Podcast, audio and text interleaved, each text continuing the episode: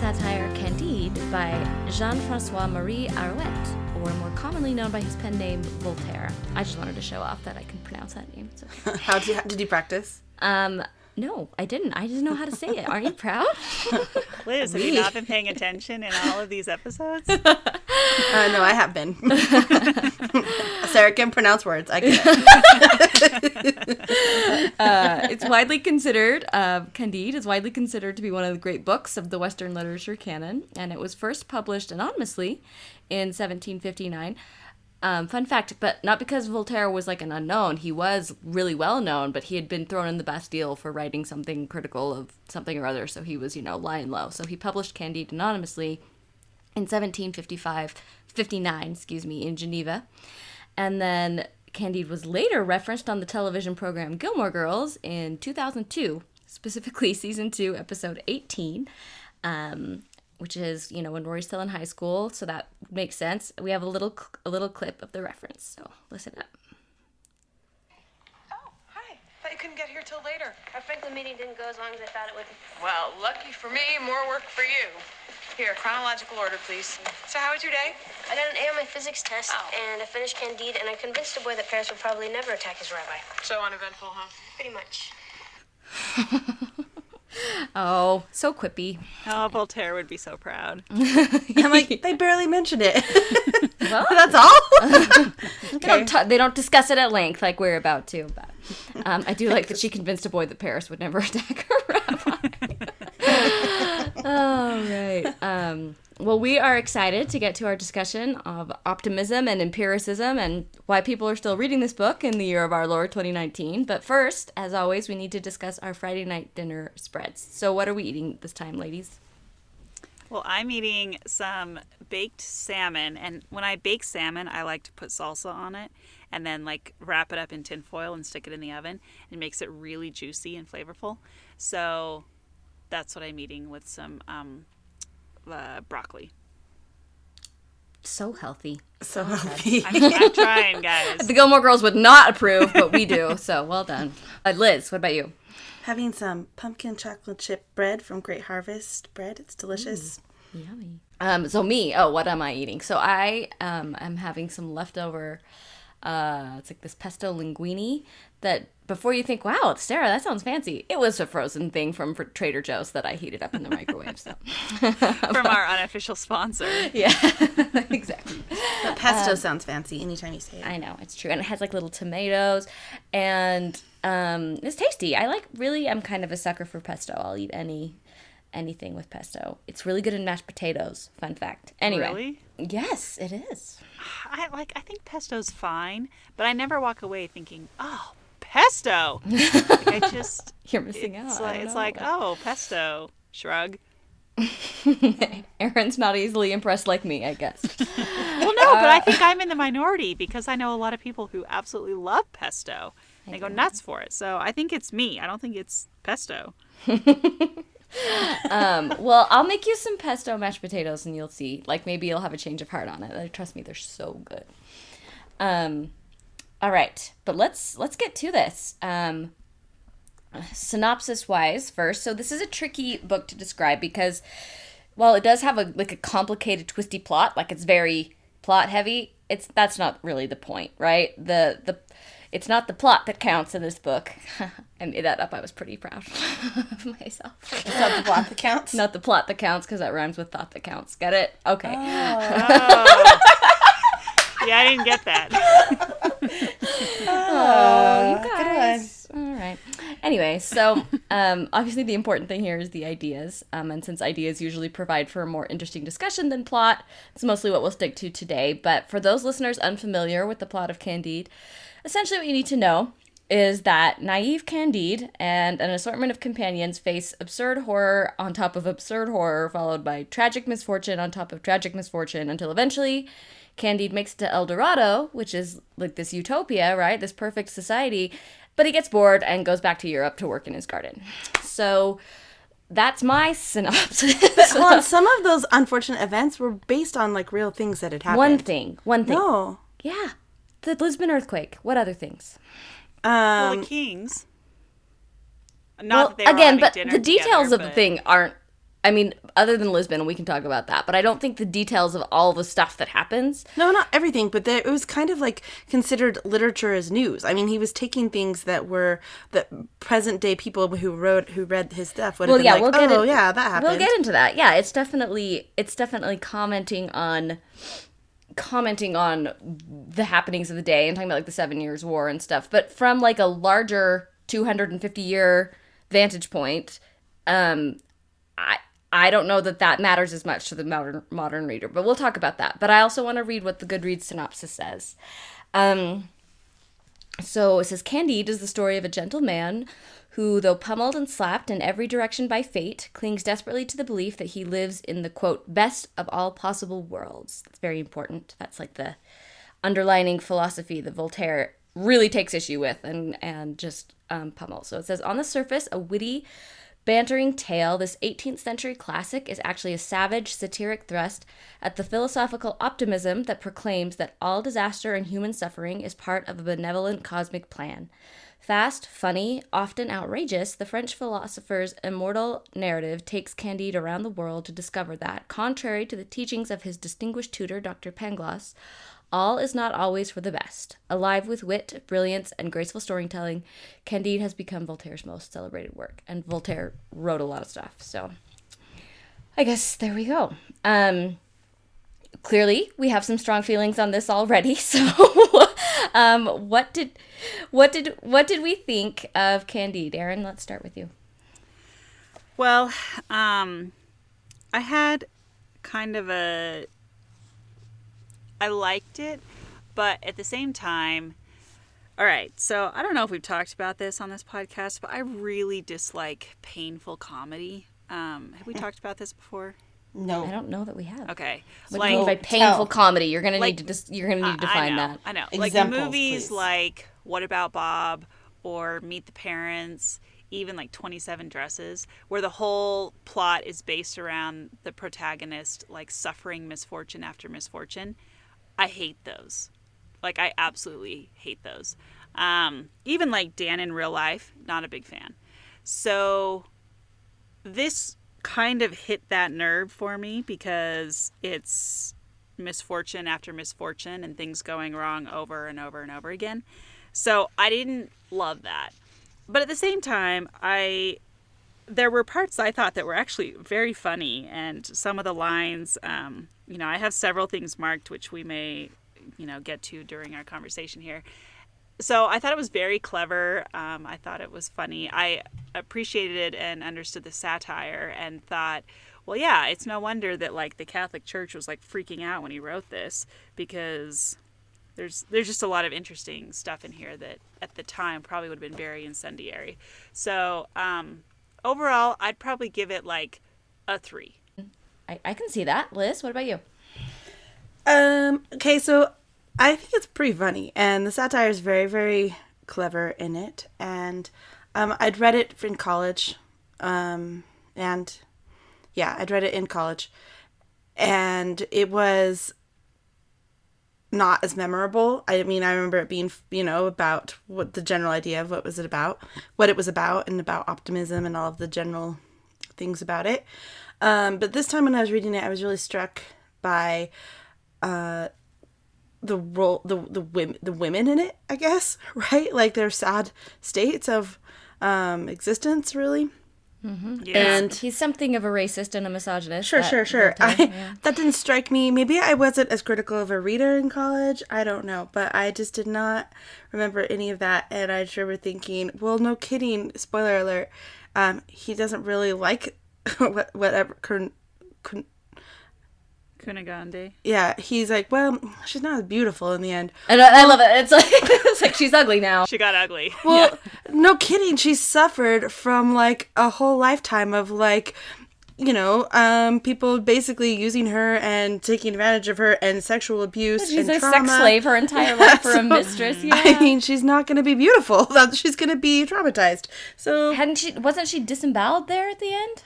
Um, not at the end. No. In the middle. In the middle, but like by the end, she had been, like, she'd been through some stuff. Yeah. She, I think the whole way through. No. Anyway, so my Cunegonde? I Yeah. I thought that was in the beginning. yeah, she was disemboweled at the beginning. Yeah. I guess but then true. she was taken on as a sex slave and I, I don't know anyway so he- th- th- well that's not funny in and of itself i remember thinking to myself Well, that's the thing. It's very dark dark. yeah it's like dark. the Yeah, stuff, it's the stuff dark. with uh, the the Lisbon when they were in Lisbon and that earthquake, like that was based on a real earthquake in Yeah.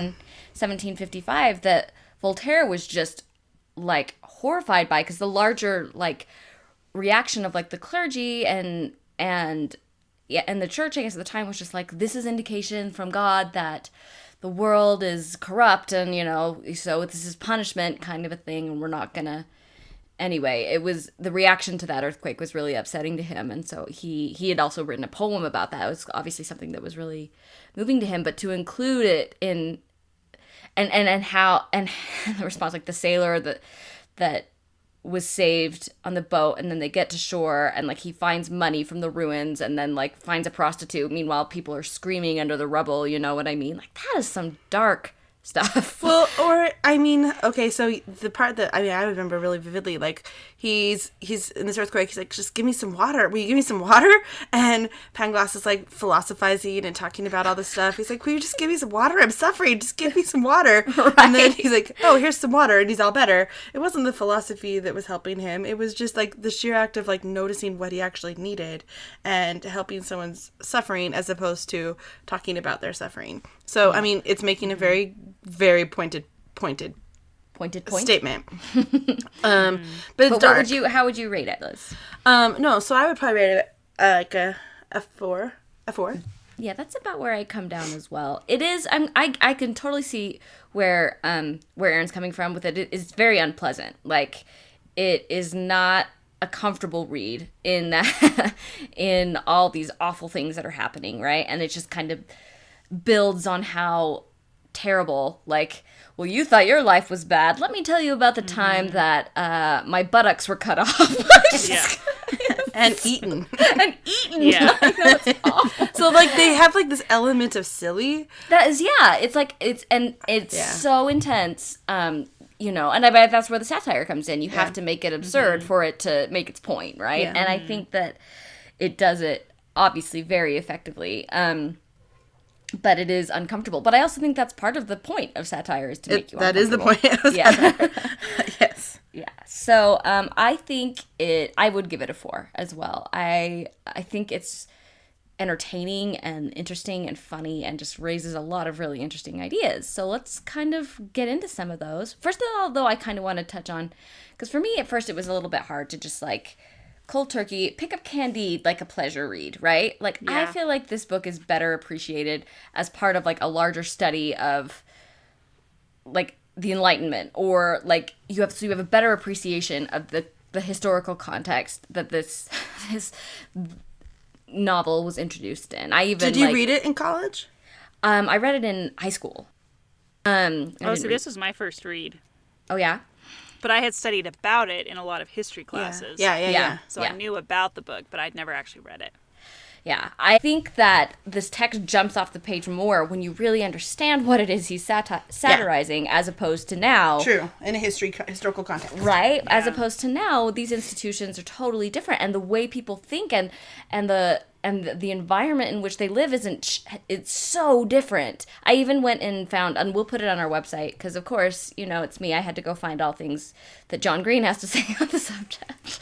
And um so no but i found like the crash course video on the enlightenment which provided a, like a helpful backdrop to just kind of like the overall not even just like the trends of like thought but just how people's like daily lives were changing and what when with something that with these kind of ideas how that's introduced into that setting what that would feel like. So I, yeah it was harder for me to read in 2019 as just like a read you know? Because i think it's gonna be more effective when you really know all the you know for example when you know the whole backstory of the lisbon earthquake or you know um you know about like the the philosophical figures that he's satirizing like pangloss is is supposed to be a stand-in for uh, this uh, enlightenment philosopher uh, G.W. Leibniz, that would be pretty well known, right? He like he had aspersed these ideas, espoused these ideas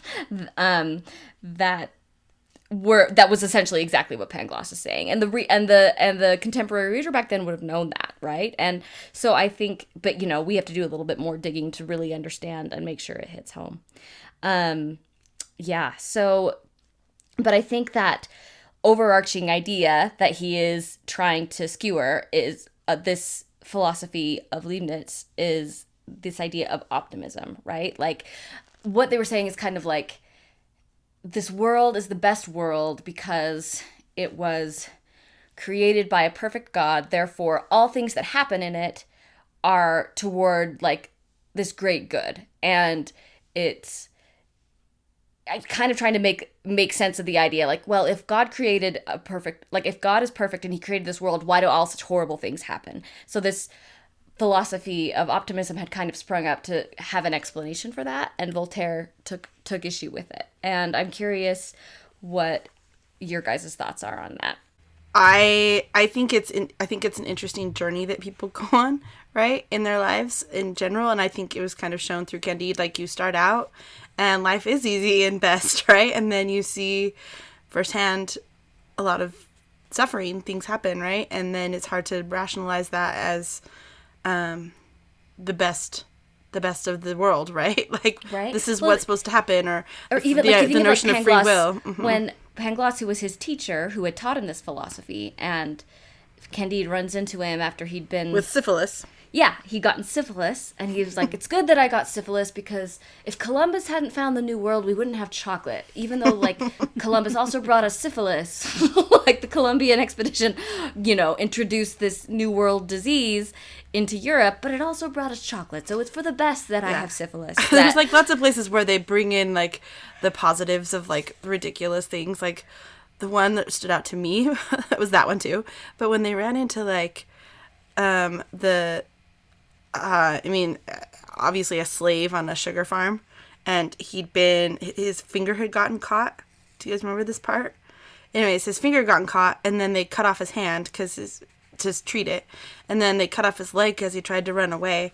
And Oh, he's yeah. like, but people in Europe have to have sugar, so I mean, it's good, right? And it's like, oh my goodness, like, it's not the the idea that this is the best that we take away like the idea of free will. I mean, that's a big, large strain of it, right? That we have no control over the suffering, and so how do we, um, like, how do you reconcile it? Which is not something that is obviously immune. I mean, only in Voltaire's time, right? People ask those questions all Yeah. the time still, right? Yeah. So, um, But you can see that enlightenment thinking like really kicking in because there are times like, for example, when um, Candide and um, I kept saying it Martine in my head, but It's probably Martine, I'm pretty sure. is sure. it Martine? You think? I think so. Yeah. Yeah, okay. That's because that's how I was saying it. So anyway, when they're talking and um, they're kind of like debating, Well, because he's a pessimist, Martine. exactly. And Candide says, um, "Do you think that men have always massacred each other the way they do now?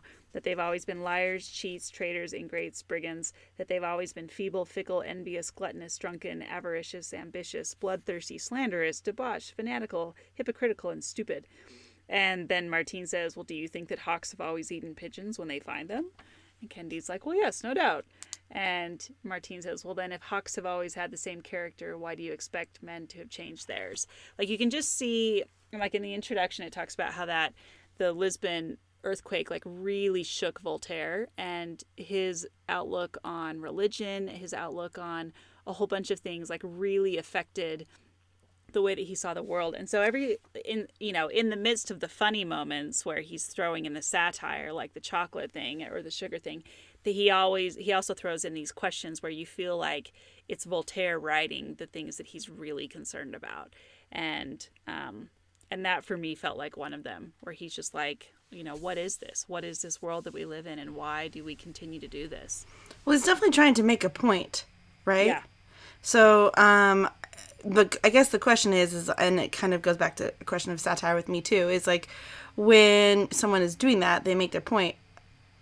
Do is anyone's mind ever changed from it, right? When someone reads this, are they ever like, hmm, yeah, that's a real, is it, is it a persuasive method of communication? I guess. persuasion yeah i that's i mean i was thinking about that in the context of like modern satire mm-hmm. right and i mean the first thing that jumps to my mind i'm sorry is like the onion right like and i think it heightens the ridiculous to bring out like the core truth there and i think i have read stuff whether it's an onion headline or something that really puts it in such a way that it does make you pause and reassess on something But I remember reading a chapter. it- Was it in Tina Fey's book where she talked about like how people were criticizing her because her, um, she, her, her satire doesn't go far enough, and she's like, "Well, what do you want me to do?" Right? Like people want her to like, um, like it's not enough for her just to skewer something, but it has to like also I don't know, like change the whole po- view mindset of the population. And so she's been kind of criticized um, on on a couple of different i've read a couple articles or maybe it was in her book or i don't remember exactly the source but i mean it was just talking about Night live and tina fey in general uh, specifically and how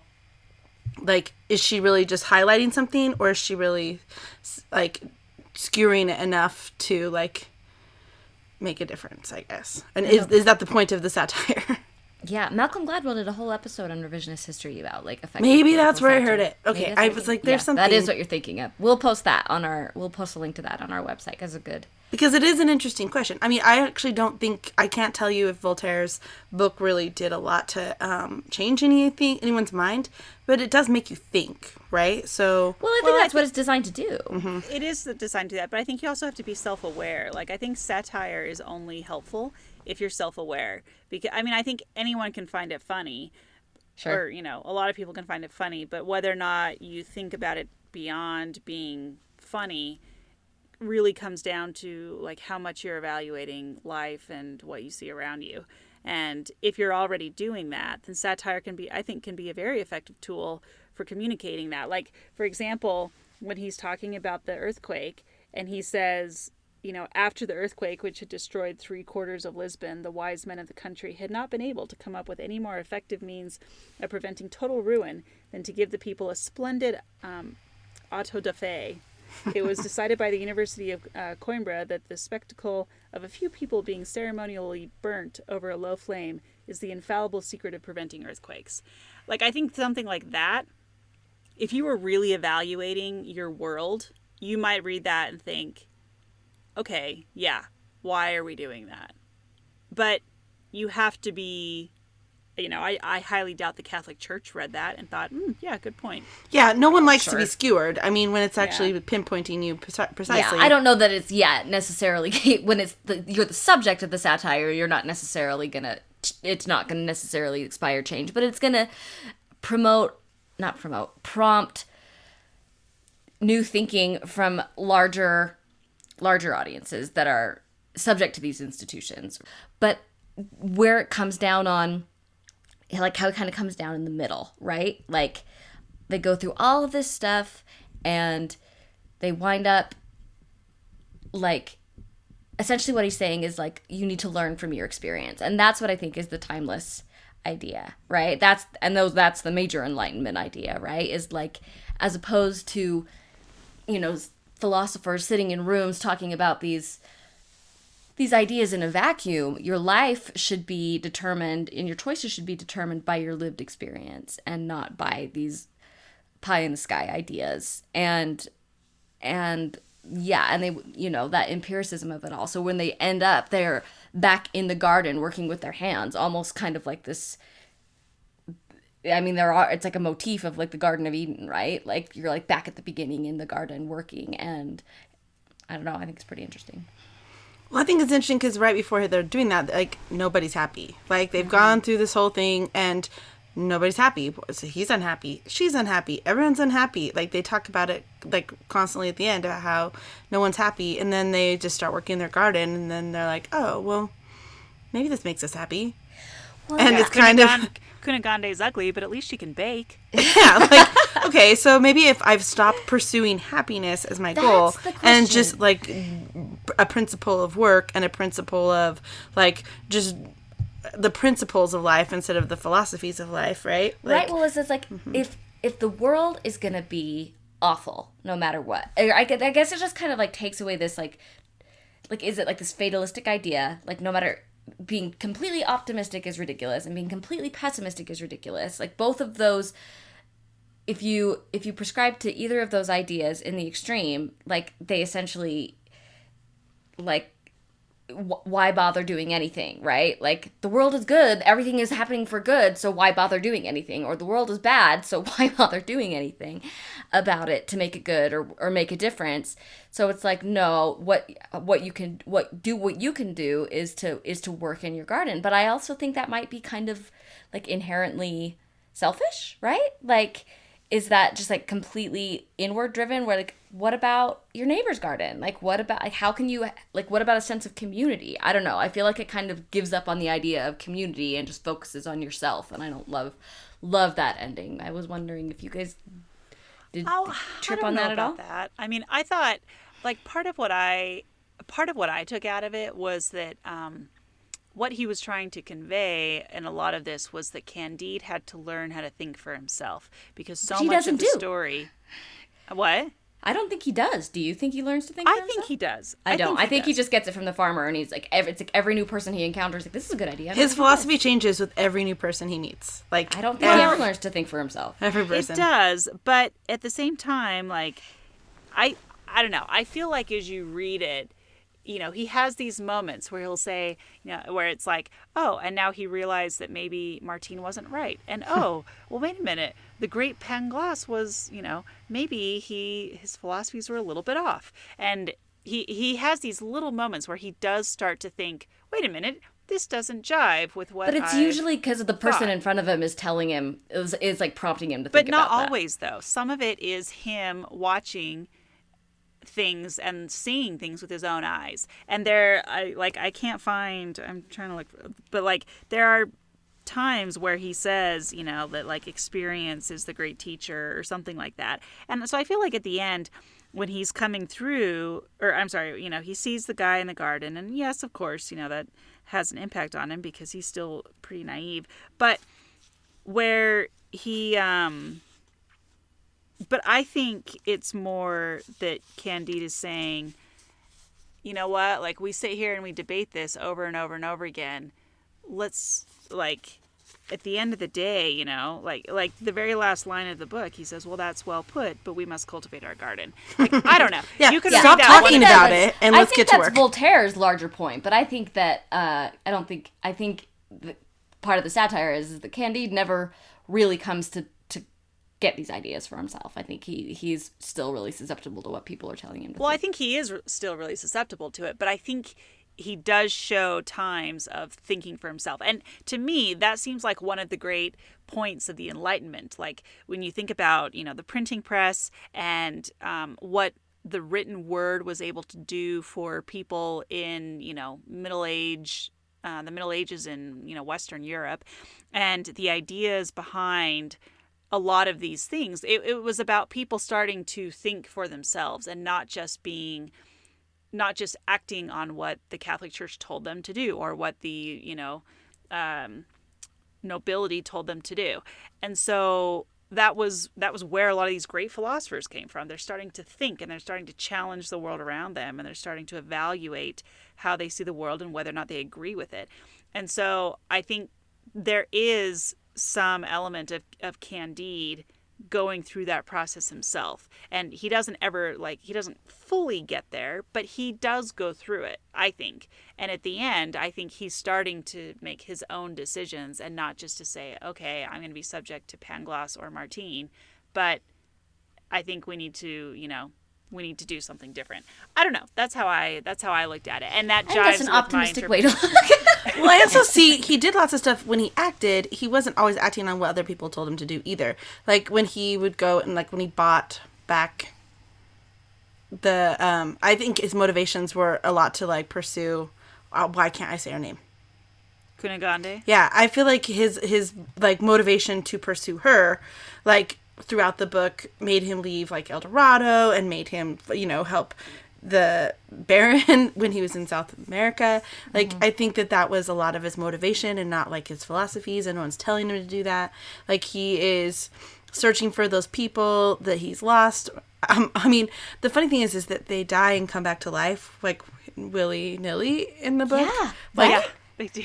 So I feel like it's just like What like do you think that was? That what? I mean, that had I feel like they're kind of a plot devices. No, I just think they're plot Oh. devices to like talk about these different things. He wants to just skewer different things. So he's like, okay, now I'm gonna encounter this person. Oh, we'll just bring him back because that makes the You plot think? through. Yeah, I do. Oh. I mean, I don't know. I could be wrong, but I don't feel like he was worried about the plot. He was worried about presenting all these different ways and different philosophies and different things to kind of.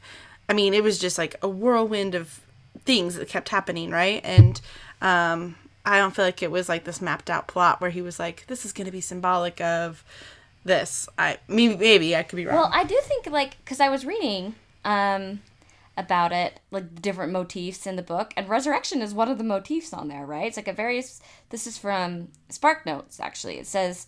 At various points, Candide believes Cunegonde, Pangloss, and the Baron are dead, only to discover later that they have actually survived the traumas that should have killed them. The function of these resurrections in the novel is complicated. On the one hand, they seem to suggest a strange, fantastic optimism that is out of step with the general tone of the novel. Death, the only misfortune from which one would never expect a character to recover, actually proves to be reversible. On the other hand, the character who gets resurrected are generally those whose existence does more harm than good. Each resurrected figure embodies a harmful act, aspect of human nature. Um, I mean, like, I don't know. I thought it was interesting. Like, because it does, I feel like it does pop up enough that, like, it, there feels like it. I mean, he's a talented writer. He's not just, like, pulling crap out of it every which way. I think there's some some method to it. Uh, I mean, I do think the idea that like those characters that do keep coming back that do represent these terrible traits, like is that trying to make a larger point like these these traits are always going to be with us kind of a thing. I don't know. or the perpetual, you can't escape your suffering. It's just going to keep coming back at you. I don't know. Goodness. I don't know. I mean, because everything doesn't. I I mean, every there was lots of silly things in there that will have no that have no motif or silly like you know it's just silly, right? I'm sorry. What's the deal with the monkeys? like there's I can't read a symbol into that. Like what's the deal with the monkeys? that was weird. There is a lot of weirdness. I agree. Well, there's yeah, and there's just a lot of like I don't know. I mean, like it goes back to the concept of like just and heighten the ridiculousness of it. It one thing I read was that one like close literary cousin of Candide and maybe like a direct influence like that Voltaire was influenced by is Gulliver's Travels, which was published like 30 years earlier.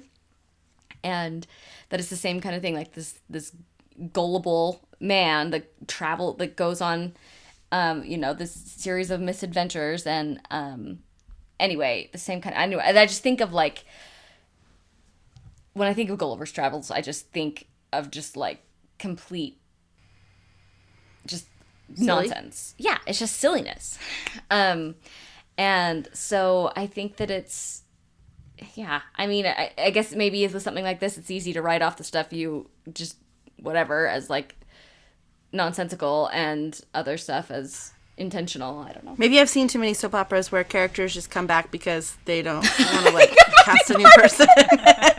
There's just plot convenience, and I don't see it as a about Sonny symbolic- Corinthos, Liz. Okay. Yeah, well, he's never come back from the dead. Sarah, come on. Uh, shout out to our General Hospital listeners. Uh, Well, there's lots of soap operas that do this. oh, I know. I know. I did think I did think that there were certain like I, I mean, you know, he has he has Candide travel around to lots of different places, which I think just kind of fits with that whole, you know, like news of the day thing. He's there he's going he's having him go to parts of the world that were being explored at the time.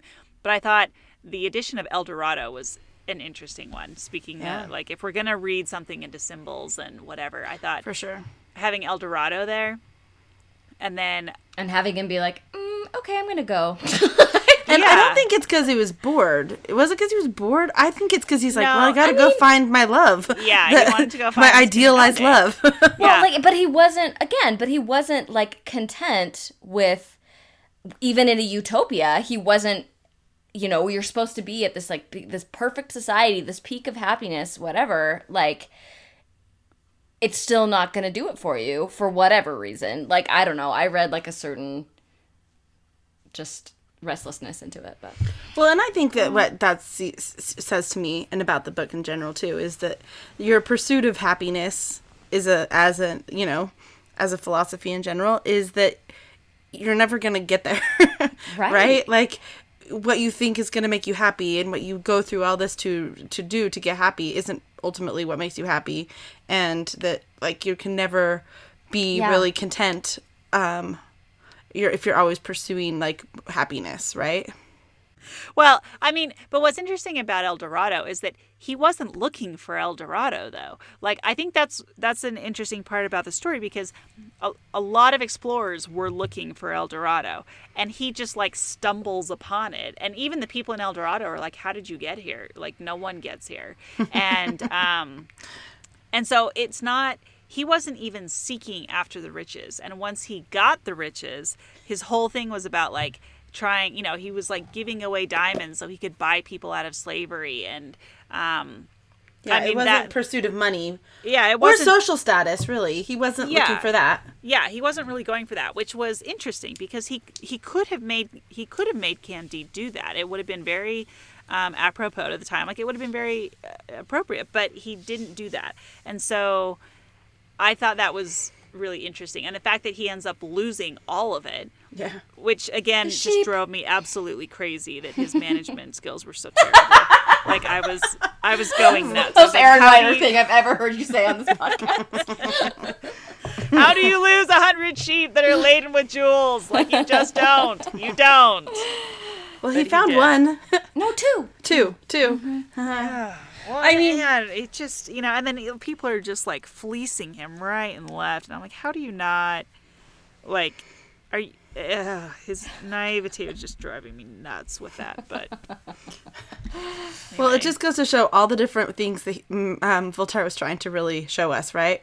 Money, Yeah. social status. I loved all the stuff where he was talking about, like, um, oh, you want to marry my sister? Oh, wait, you might be rich and you saved me, but you're not really good enough for my sister. Oh, sister. you don't have like yeah, yeah. li- you Your don't, you're lineage not of doesn't- nobility. your yeah. lineage your lineage doesn't have it has like one less whatever those are called like than I then you're Mm-hmm. you're you're not of noble enough blood because you have one fewer than than we do in our family tree or something. Right. And then that went even back further to like the old woman, like when they were talking about the old woman and her story, which was really sad by the way. The Yeah. Old woman's story. Oh my goodness. Anyway, um so she wins She on was life an interesting. sucks. She was a really interesting character. Ooh, I liked her. And then can we also talk about how I liked the Anabaptist? In Yeah, my you're supposed to like it was- them. Yeah, I know. Yeah. That's how I'm just so predictable. Sorry. No, no, no, I'm saying like like hot take from Sarah. Like I liked. yeah, you're supposed to like them. That's the Makes me- point. that makes me feel so much better. Thank you. Um, Well, sir, I'm sorry. I didn't mean to like I was agreeing with you. well done. well, Um, and and then you know, but then like kind of going back to this whole happiness thing when you get to the senator in Venice and he has everything and Candy's like wow look at all these books and well surely you must like this author and surely you must like this No. author he's like no no like I just have it because that's what people expect me to. And oh look at all these original Raphaels. And yeah well they're not you know they're not realistic enough. And which actually I thought was kind of a funny thing because so like you look at like Raphael, Michelangelo, Da Vinci, like that you know that whole like realism in art was very much what they were trying to convey, and so the fact that he's like, yeah. You know, he says they're supposed to, you know, I don't like them at all. The coloring's very dark. The faces aren't sufficiently rounded and don't stand out enough. And the draperies don't bear the slightest resemblance to any real cloth. Um, basically, whatever anyone may say, I don't consider they're a true imitation of nature. I thought, oh, that's a little like jab at the artists that he's thrown in there. But um, I mean, I even just feel just by the nature of this discussion, which is kind of just pinging all over the place, like a little do you publishing, mean? like, but in a good way. But like this book is just everywhere. Like, Yeah. it's just. I don't know. Do you think that it ultimately went a little too far? Like, could he have dialed it back a little bit and it would have been that much more effective? Or, um, I don't know. I think the ridiculousness was a was an important part of the story. Sure, sure. But I I agree, obviously. But like like at some point you're just like, all right. All right, let's just wrap this up, you guys. That's kind of how I was feeling. Okay, and that's how I felt with the book too. You can wrap it up. I think we've hit the high points. I think so Yeah. too. I mean, um it's it's fascinating. Like just I think yeah, just I'm kind of chewing on those ideas still about what it means to cultivate our garden, right? Like if that's the ultimate takeaway, is that a good and moral thing? I don't know. Anyway, that's what I'm thinking about. All right, so uh, moving on to our next segment, one of our favorites, where this where this book pops up in pop culture. This is one that's tricky because it's its uh, effect on culture, its influence on culture is so widely felt that almost it's like just like abs- absorbed into the culture like um, osmosis style. So, um, even I mean, if it just comes to like the style and structure of the book, like as an episodic, like picaresque kind of novel, um, I think that's been really influential on modern satirists. Uh, so we don't obviously have time to hit on everything and all Let's hit every satirist. Go. every satirist, every every essay on the influence of Voltaire. um, no, but uh, I I did find this. This was from Wikipedia, um, which I thought it was noteworthy because it touches on some of our reading with Rory books. Uh, there, there people feel that the kind of twentieth you know 20th century like dystopian novel was really uh, as a genre was really influenced by Candide and um, particularly so the French critic Armand Mattelart. uh, I'm totally botching that. Sorry, Armand. But um, he sees Candide in Brave New World, which we just discussed, um, as well as uh, 1984 and Yevgeny Zamyatin's We, which are three uh, kind of, as Wikipedia puts it, three canonical works of the genre. Um, and I thought it was interesting because, so it says specifically, Mattelart writes that in each of these works, there exists references to Candide's popularization of the phrase, the best of all possible worlds. And he cites as evidence, for example, that the French version of Brave New World was entitled Le, Mel- Le Milieu des Mondes, which is the best of worlds. So I thought that was interesting. Um, yeah. Fun fact, you know, just a little tie back into our Brave New World episode not too long ago. Um, which I thought was interesting. I guess I can see that, right? Like you're creating this heightened, and the the idea of creating, of of discussing what what makes the best of all possible worlds. I don't know. I thought it was uh, a curious illusion.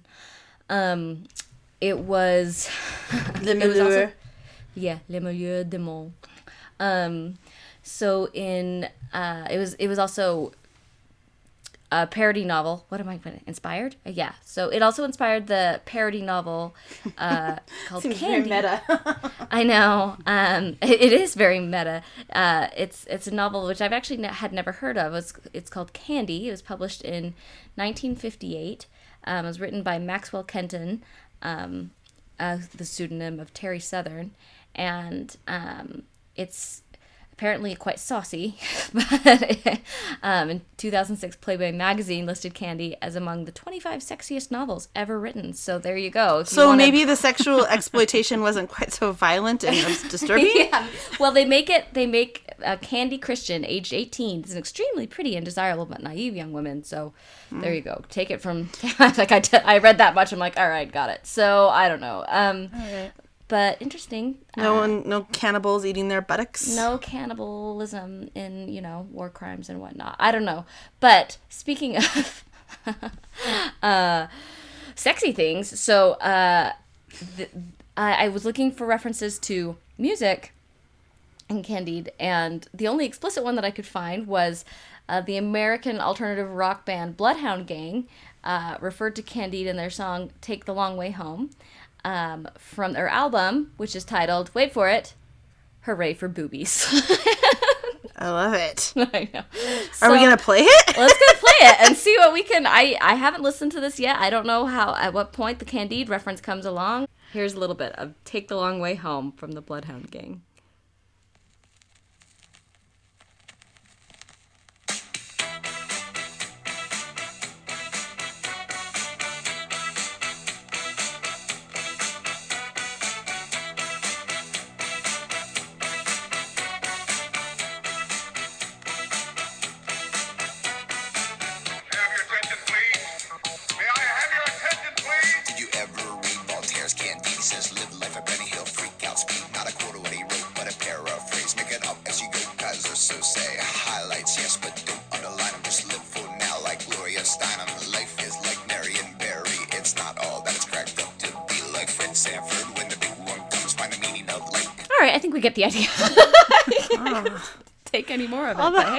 life is like Marion Barry, not all it's cracked up to be.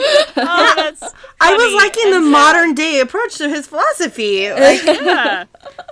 I'm digging it. I'll- I'll Go hooray for boobies. hooray for boobies everybody can rush out and buy that the 20th anniversary reissue i'm sure um, um, but probably the most uh, notable adaptation of candide is the comic operetta uh, uh, by leonard bernstein did the music. Um, and we're big leonard bernstein fans here on this podcast. Uh, but i thought it was interesting. It's it's been revived lots of different times and kind of reworked different libretto and different stuff. But originally he uh, there were lots of different lyricists that worked on the show. It was in like 1956 was when it was first uh, written produced. And but some of these lyricists dorothy parker included dorothy parker stephen sondheim. My gosh stephen sondheim. What- did he do this when he was like 12 i don't understand he's just He's just like, it's amazing to me. Anyway and then Child uh, prodigy. uh yeah i mean he would have been very young at the time. But um yeah so leonard and felicia bernstein also did some lyrics. Um john latouche richard wilbur james agee. So all told not too shabby um i wanted to read a tiny little blurb from uh, the norton critical edition of candy that kind of talks about this operetta i I love Norton's. I know, right? Uh, Leonard Bernstein's comic operetta Candide, a collaboration with the author Lillian Hellman, premiered on Broadway in 1956 and continues to enjoy frequent revivals. In the 1950s, the work was widely seen as a satirical response to the show trials of the McCarthy era, while 50 years on, Robert Carsen's 2006 production, performed on both sides of the Atlantic, contained an explicit satire of the leaders of the invasion of Iraq. It seems that whenever we are faced by dogma- dogmatism and absurdity, it is to Voltaire's Candide that we turn. Which I thought was interesting. So, like, if the world's a dumpster fire, someone's gonna revive Someone's Candide. gonna re- someone's gonna revive the comic opera. Bring it on. Followed shortly by 1984. yeah, right. Um, all right. Well, I'm sure that there, you know, if there are any others like explicitly that we missed, um, Can I actually share one, sort of? please. So this is not a direct pop culture reference. However, I wanted to make sure we mentioned that we went to the opera together this last weekend. Um, Before we recorded this, we went to go see La Traviata after our discussion on Bel Canto, and um, and it was an enjoyable experience. I Loved it. for all of us. Yeah, it was it was great.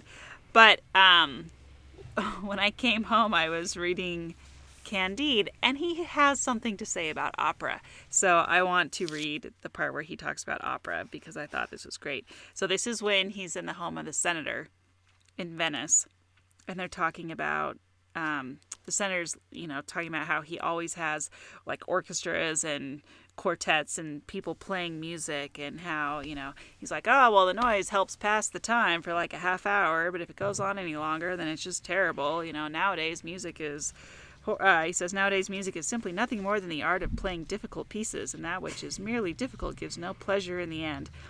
And then he says perhaps i'd prefer I know. I know, right? and then he says, Perhaps I'd prefer opera if they hadn't found a way of turning it into a monstrous hybrid, which I find quite repugnant. Let anyone who wishes go and see bad tragedies set to music, with all those scenes that have been put together simply as pretexts, and pretty poor ones at that, for two or three ridiculous songs which allow an actress to show off her vocal cords. Let anyone that wants to, and that can, go and swoon away with ecstasy at the sight of a castrato humming the roles of Caesar and Cato and strutting about the oh, stage in that ungainly fashion.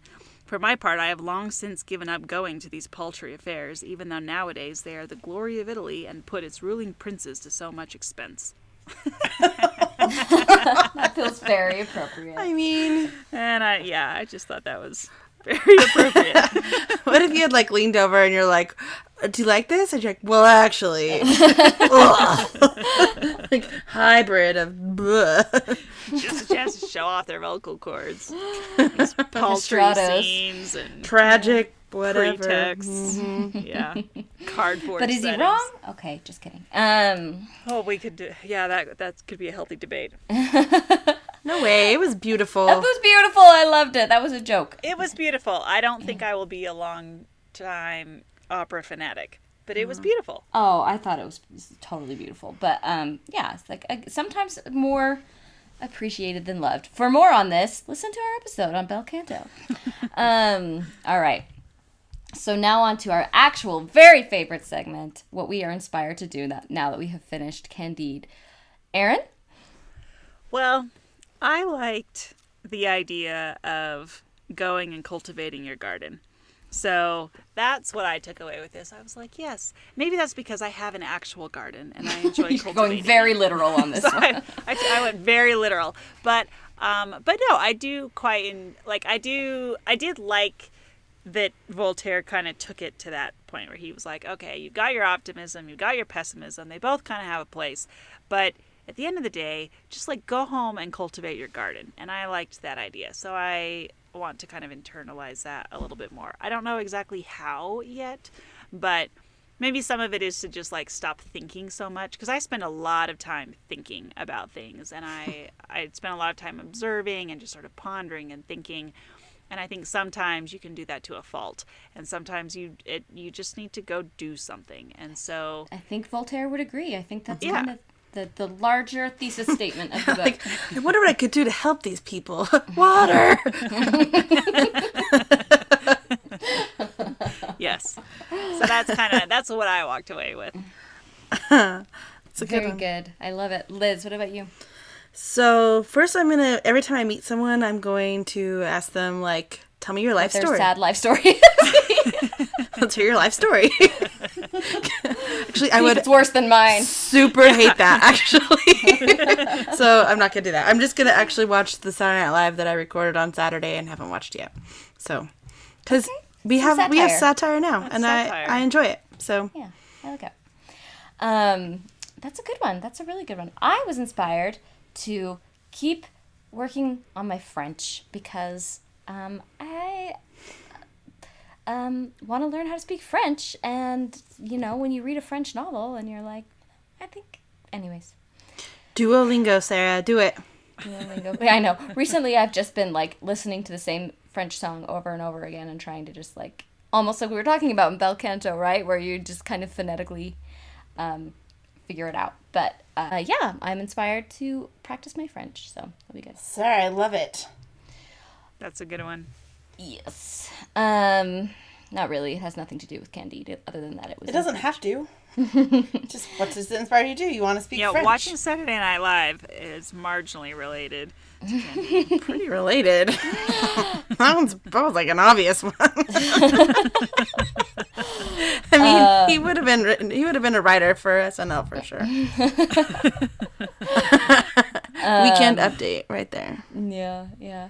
Uh, all right. Well, what did you think of Candide? Come start a conversation with us on Twitter, Instagram, Facebook at Reading with Rory, or you can find us on our website, readingwithrory.com. Uh, you can also follow us on Spotify. Um, we'll- we'll try and get some Stephen Sondheim on there, just like, uh, even if he didn't actually write the lyrics to Candide. like, there's always an excuse for Stephen Sondheim. I'm gonna do it. So, um, and also don't forget to leave us a review. We love to hear how we're doing, and we love to find new listeners, and reviews definitely help us do both. Next time on Reading with Rory, we are going to be reading The Canterbury Tales by Geoffrey Chaucer. So make sure to tune in, and thanks for listening and reading along with us, and we'll catch you next time.